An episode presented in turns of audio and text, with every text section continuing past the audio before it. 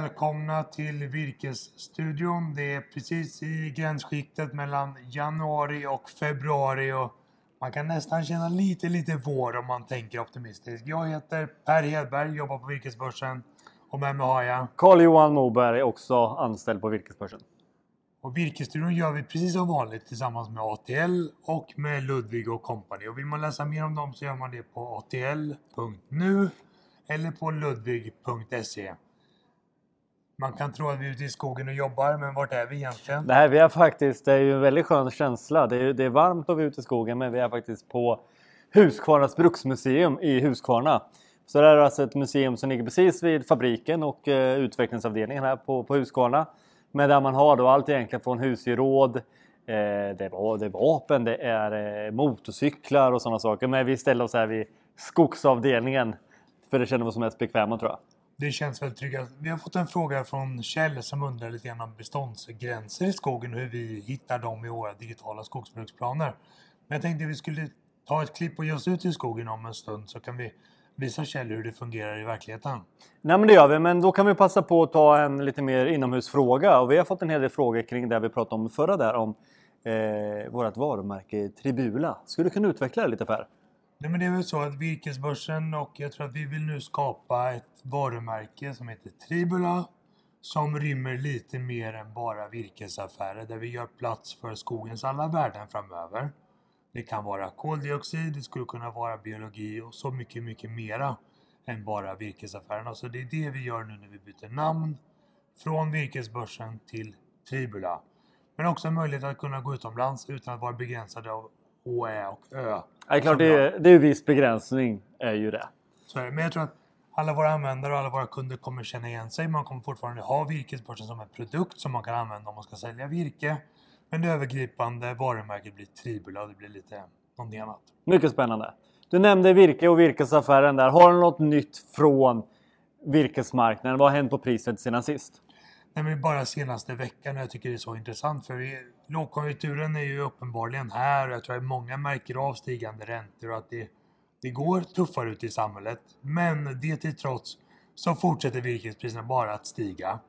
Och jag menar bara de senaste veckorna så har Södra höjt, Sveaskog höjt, VVDS har höjt så att de här höjningarna på virke har ju inte avtagit. De har kanske lite mer riktats mot det som är sågtimmersortiment än det som är massaved. Så att, men det går lite grann i, i, i vågor fram och tillbaka. Men det, det är fortsatt uppåt på virkesmarknaden och positiva tongångar.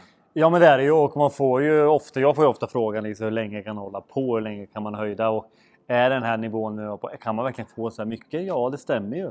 Det är så, man kan få väldigt bra betalt för sitt virke idag.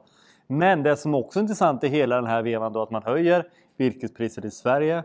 Eh, och det handlar ju om att det är svårt att få fram råvaran och detta är ju så att nu är ju exporten eller eh, förlåt mig, importen till Sverige i full gång då. Kanske inte riktigt på sågsortimenten då men framförallt på massaveden måste man nu dra virke utomlands ifrån till Sverige då för att hålla igång bruken och många av bruken har inga jättelager.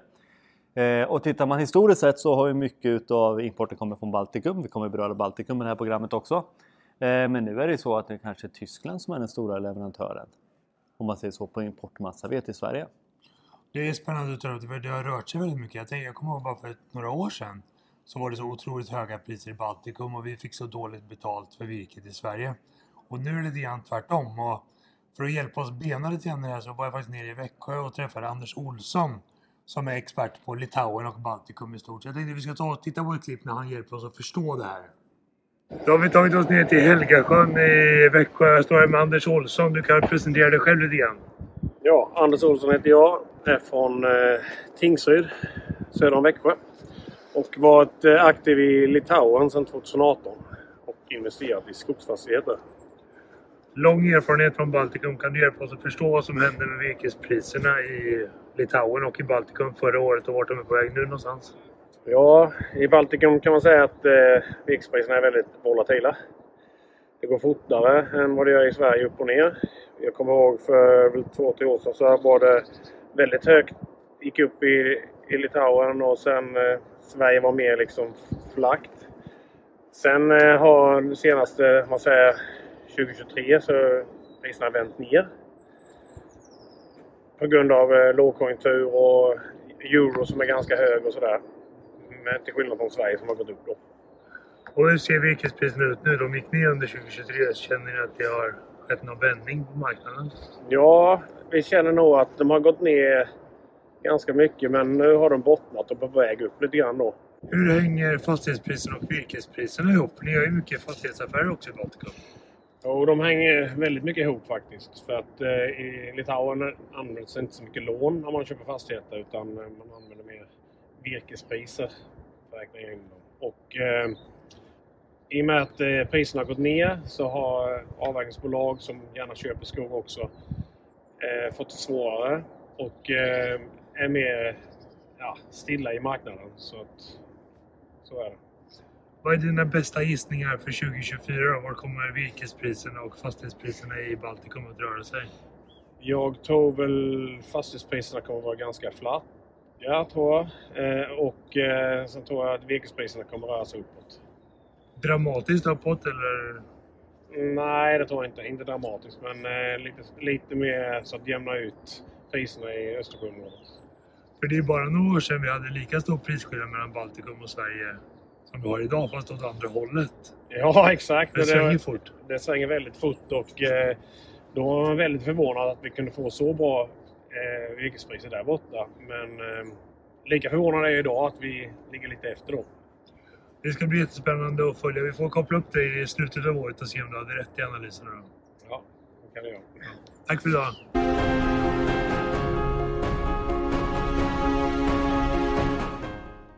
Tack så mycket Anders. Jag hoppas du inte frös för mycket där när vi stod vid Helgasjön i Växjö.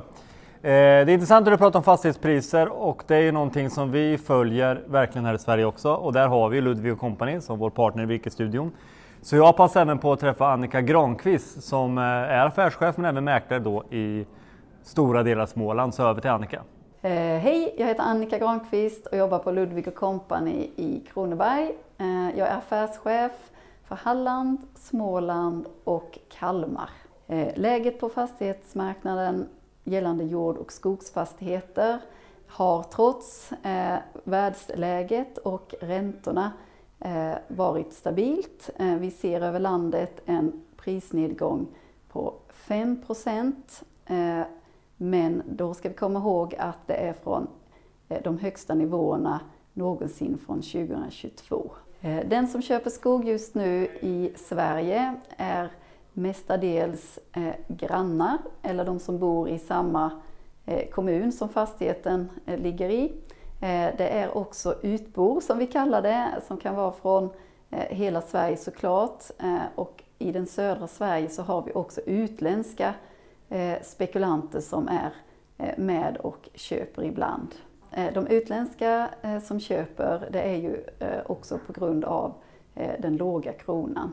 Eh, framtiden för skogsmarknaden eh, känns verkligen positivt. Det vi ser är ju virkespriser som har ökat och vi har ju också hört att räntan är eh, troligtvis på väg ner framåt i år och vi tror att priserna kommer vara stabila 2024 men på, i framtiden att det kommer öka på sikt. Eh, Vi ser ett stort intresse för nya affärer, bland annat med eh, biodiversitet, kolbindning, sol och vind och även batterilagring. Eh, Det är verkligen läge att köpa skog.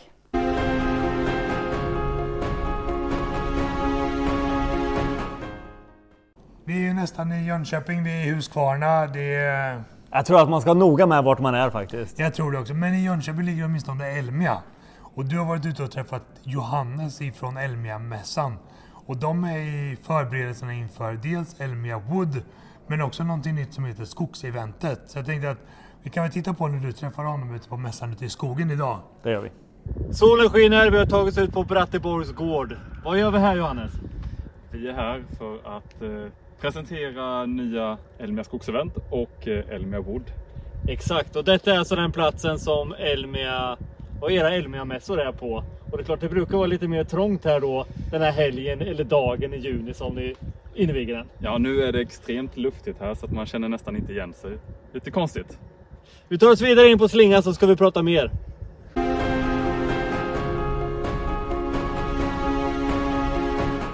Som ni har sett så har vi tagit oss in på slingan nu. Johannes, presentera dig lite mer. Vem är du? Jag heter Johannes Hansson och eh, jag jobbar som mässansvarig på Elmia Wood. Och då är du ansvarig egentligen för den här mässan som kommer att vara här. Men du är även för någonting som kommer att vara i vår. Och det kallar, eller vår och sommar som heter Skogseventet. Berätta mer om det. Ja, Elmia Skogsevent är en ny, mer som en mellanårsaktivitet och det eh, kommer vara för företag som vill bjuda in sina kunder, leverantörer, personal, liknande, återförsäljare för att skapa ett, en, ett event. Och den kommer också vara här. Den kommer vara här på Bratteborg, precis. Mm. Och det kommer vara så att vi kommer även ha en, ett eh, kvällsevenemang med musik och underhållning så att man kan eh, fortsätta och eh, mingla och nätverka. Precis. Och då kanske det kommer att bygga upp någonting ute på fältet då, eller vad som var innan där? Nej, det kommer bli här i skogsmiljöerna.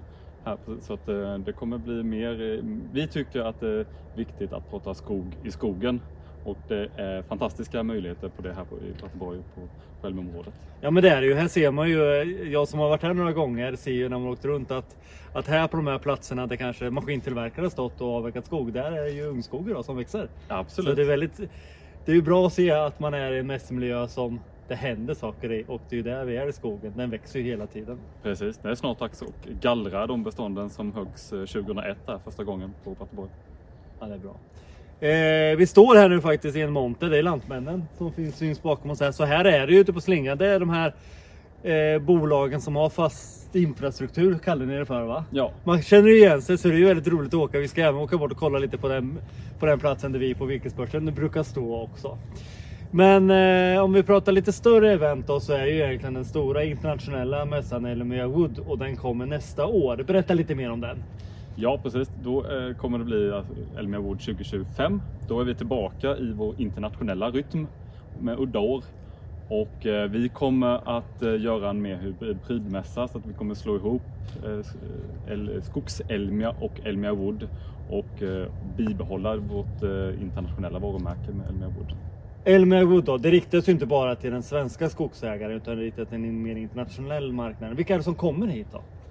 Det är både entreprenörer och eh, skogsägare från utlandet och framförallt så handlar det om att hitta nätverk och hitta de företag och de eh, utställare som man kanske inte hittar på sin egna marknad.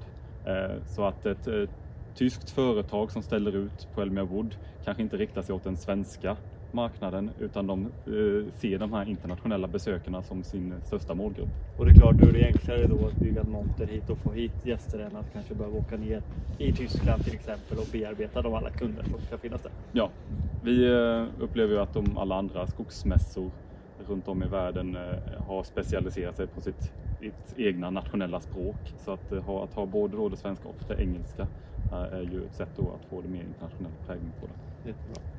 Om vi kollar nu på då, det händer mycket inom skogen. Det är stor debatt. Skogen är eh, högt upp på agendan i EU. Vad ser du för trender i skogen och vilka trender fångar ni upp här på Elmia för att ha en sån anpassad mässa som möjligt och intressant mässa också? Ja, men precis som eh, på virkesbörsen så ser vi trenden mot eh, ökade virkespriserna för, som gynnar lönsamheten för den enskilda bonden. Det är någonting som märks. Vi ser att intresset för små och mellanstora Eh, skogsmaskiner eh, ökar det intresset och det hänger väl lite grann också ihop med eh, med ökade priser på massaved.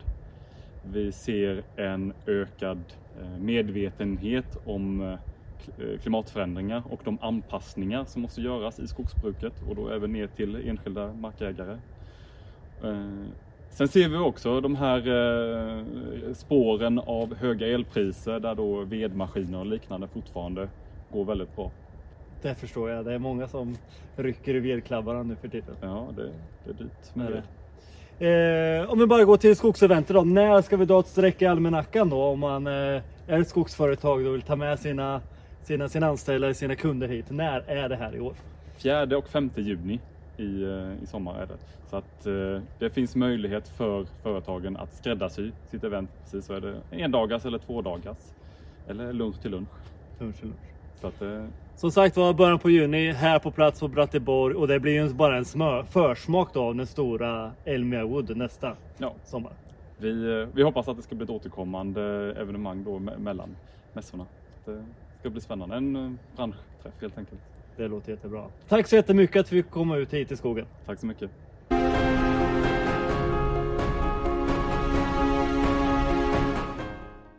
Tack snälla Johannes. Det är så att man längtar lite grann till mässperioden drar igång. Det var lite kallt och kyligt såg det ut som där ute i skogen idag. Ja, det var lite kallt och kyligt och ganska lite folk. Men det vet vi att det blir annat när själva mässorna rullar.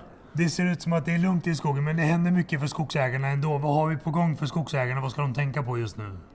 Det är ju, det är ju som sagt det står väl aldrig still egentligen i sitt skogsägande. Men en sak som är viktigt är ju att man nu egentligen ser till att få in alla vad som är formalia från föregående år vad gäller årsbesked, avräkningar och sådana saker. Så du förbereder då inför ditt arbete med deklarationen sen som ska vi in senare i vår. Så det är en viktig sak. Lägg på de här ni har gjort affär med så ni verkligen får det materialet och underlaget som, som ni behöver för att underlätta i deklarationen så den går snabbt och smidigt. Andra saker som är aktuellt, ja, men dels har vi haft en fantastisk vinter på många håll i landet. Ja, men alltså nere i Skåne har det ju varit kallt så det har varit bra drivningsförhållanden. På många håll i skogen så är det ju fortfarande, ligger snön kvar och sådana saker. Eh, eh, I Småland där vi har varit ute idag, det är ju många vägar frysta och det är ju väldigt halt på vissa vägar också fortfarande.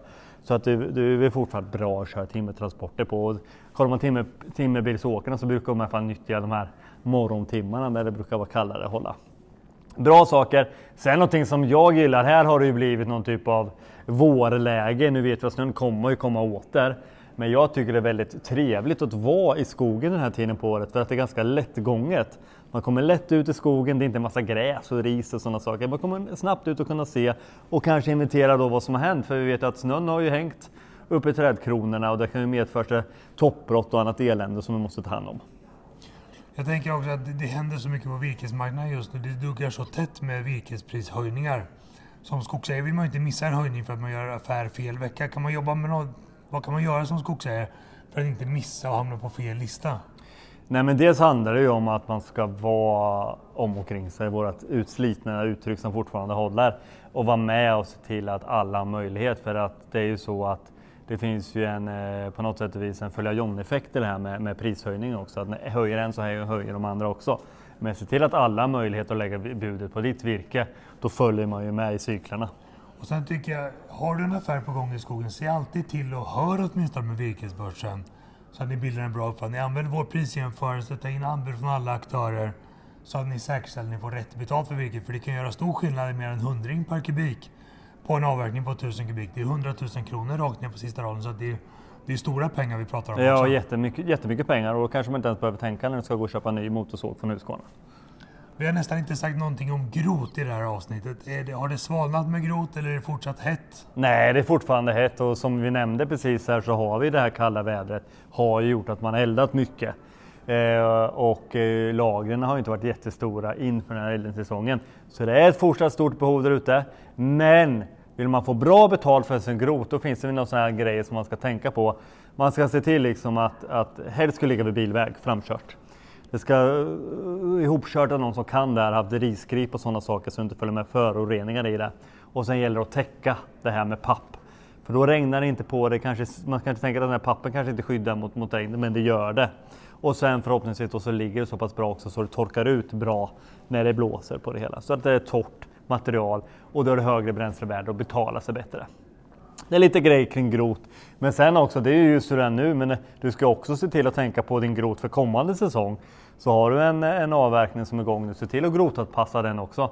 Och ett litet tips som man kan skicka med sig nu, för nu vet vi att det kanske är dåligt med, med mat ute i skogen, framförallt till helgen. Då har du en tallavverkning, be maskinföraren då lyfta upp den där sista toppen då som, man, som blir grot. Se till att han kanske kommer upp lite och lägger liksom, lite högt upp i rishögen. Det är ju perfekt för älgarna att gå och äta på. Bra tips tycker jag. Jag tänkte vi skulle börja runda av programmet, men vi ska prata lite grann om skogsbruksplanerna också. Vi har fått en fråga från Kjell som undrar över beståndsgränserna hur vi 17 vi kan se beståndsgränserna digitalt när vi inte är ute i skogen och tittar på skogen. Utan vi bara inventerar digitalt. Men vi gav oss ut i skogen faktiskt för att titta på en beståndsgräns. Så vi kan ta och kika på det. Alright karl johan vi har tagit oss rakt ut i skogen strax söder om Jönköping. Vi har fått en fråga från en av våra användare, Kjell. Han undrar över det här med beståndsgränser i en skogsbruksplan. Vi kanske ska börja med, vad är en beståndsgräns? Ja men beståndsgräns är, vi kan väl säga, här står vi nästan en beståndsgräns alltså. Det är skillnad egentligen, det är egentligen en åtgärd, en ålder i en skog. Ja, men här har vi en, en äldre skog och här har vi då en föryngringsavverkning som har gjort en tydlig beståndsgräns. I den vevat där har vi beståndsgräns mellan gallring och fröträdsställning. Så där kan man väl säga. Vi kan även se det på de här flygbilderna som vi visar här. Alltså att det tydliga skillnader i, i skogen. Men jag tycker det blir så tydligt när man tittar på drönarfilmer och man ser så tydligt skillnaden mellan olika bestånd och olika träslag och det är olika höjder och dimensioner. Men det som Kjell undrar över är hur kan vi i våra digitala skogsbruksplaner se så tydliga beståndsgränser digitalt när vi inte har besökt skogen? Nej precis, och mycket av skogsinventeringen förr, eller fortfarande också, görs ju med alltså att man är ute i skogen och använder ett relaskop. Yes. Fantastiskt hjälpmedel. Jag kommer inte förklara idag hur det funkar. Eh, eller om man mäter höjder och sådana saker och ser okulärt besiktare. Men alltså förtolkningen för skogsbruksplanen har man gjort det väldigt länge då med, med alltså ortofoton och sådana bitar för att se trädhöjd och rita beståndsgränsen redan innan. Men sen har man åkt ut i skogen då för att göra själva fältmätningen då på vad som står där. Men idag så finns det ju väldigt mycket data på skogen och detta är ju via öppna källor. Vi har ju liksom hela Sverige är ju skannat eh, utav flygplan då så man vet vad det är står så, så volym där. Och man kan även då från de här källorna också få fram eh, och räkna på saker och ting då, med ålder, man kan få fram träslag och den biten. Och det här tillsammans då gör ju då att vi då med våra skogsbruksplaner på virkesbörsen då med hjälp av AI egentligen kan göra den här beståndsindelningen. Väldigt bra att kunna göra, att du har koll på din skog även att du inte är på plats. Och sen är det klart kan man åka ut sen och kolla så det stämmer, kontrollmäta lite och det, det stämmer ju faktiskt, det är ju så. Jag tycker det är så fascinerande för det är lätt med okulärt att se att här har vi två olika bestånd för det är så stor skillnad här. Ja. Men det kan man göra digitalt också för man ser att här står så mycket mindre träd. Det är några få mm. frötrallar i det här fallet som står här. Och sen har vi en gallring bakom oss. Så det kan vi se både digitalt och med ögonen. Och det är Precis. Fascinerande. Och på samma sätt att vi åker ut hit och tar lite grundytor, vi klavar lite träd och mäter höjden, får fram volym. På samma sätt kan vi få fram digitalt.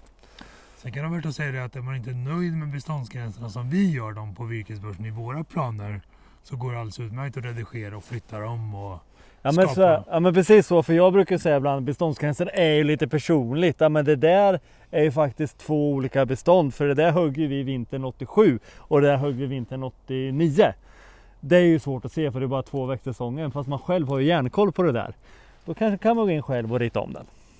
Så är du nyfiken på dina beståndsgränser, gå in på www.virkesborsen.se Generera din skogsbruksplan och se hur vårt AI delar upp din skog i olika bestånd efter träslag, dimensioner, höjd och så vidare. Precis. Åter in i värmen.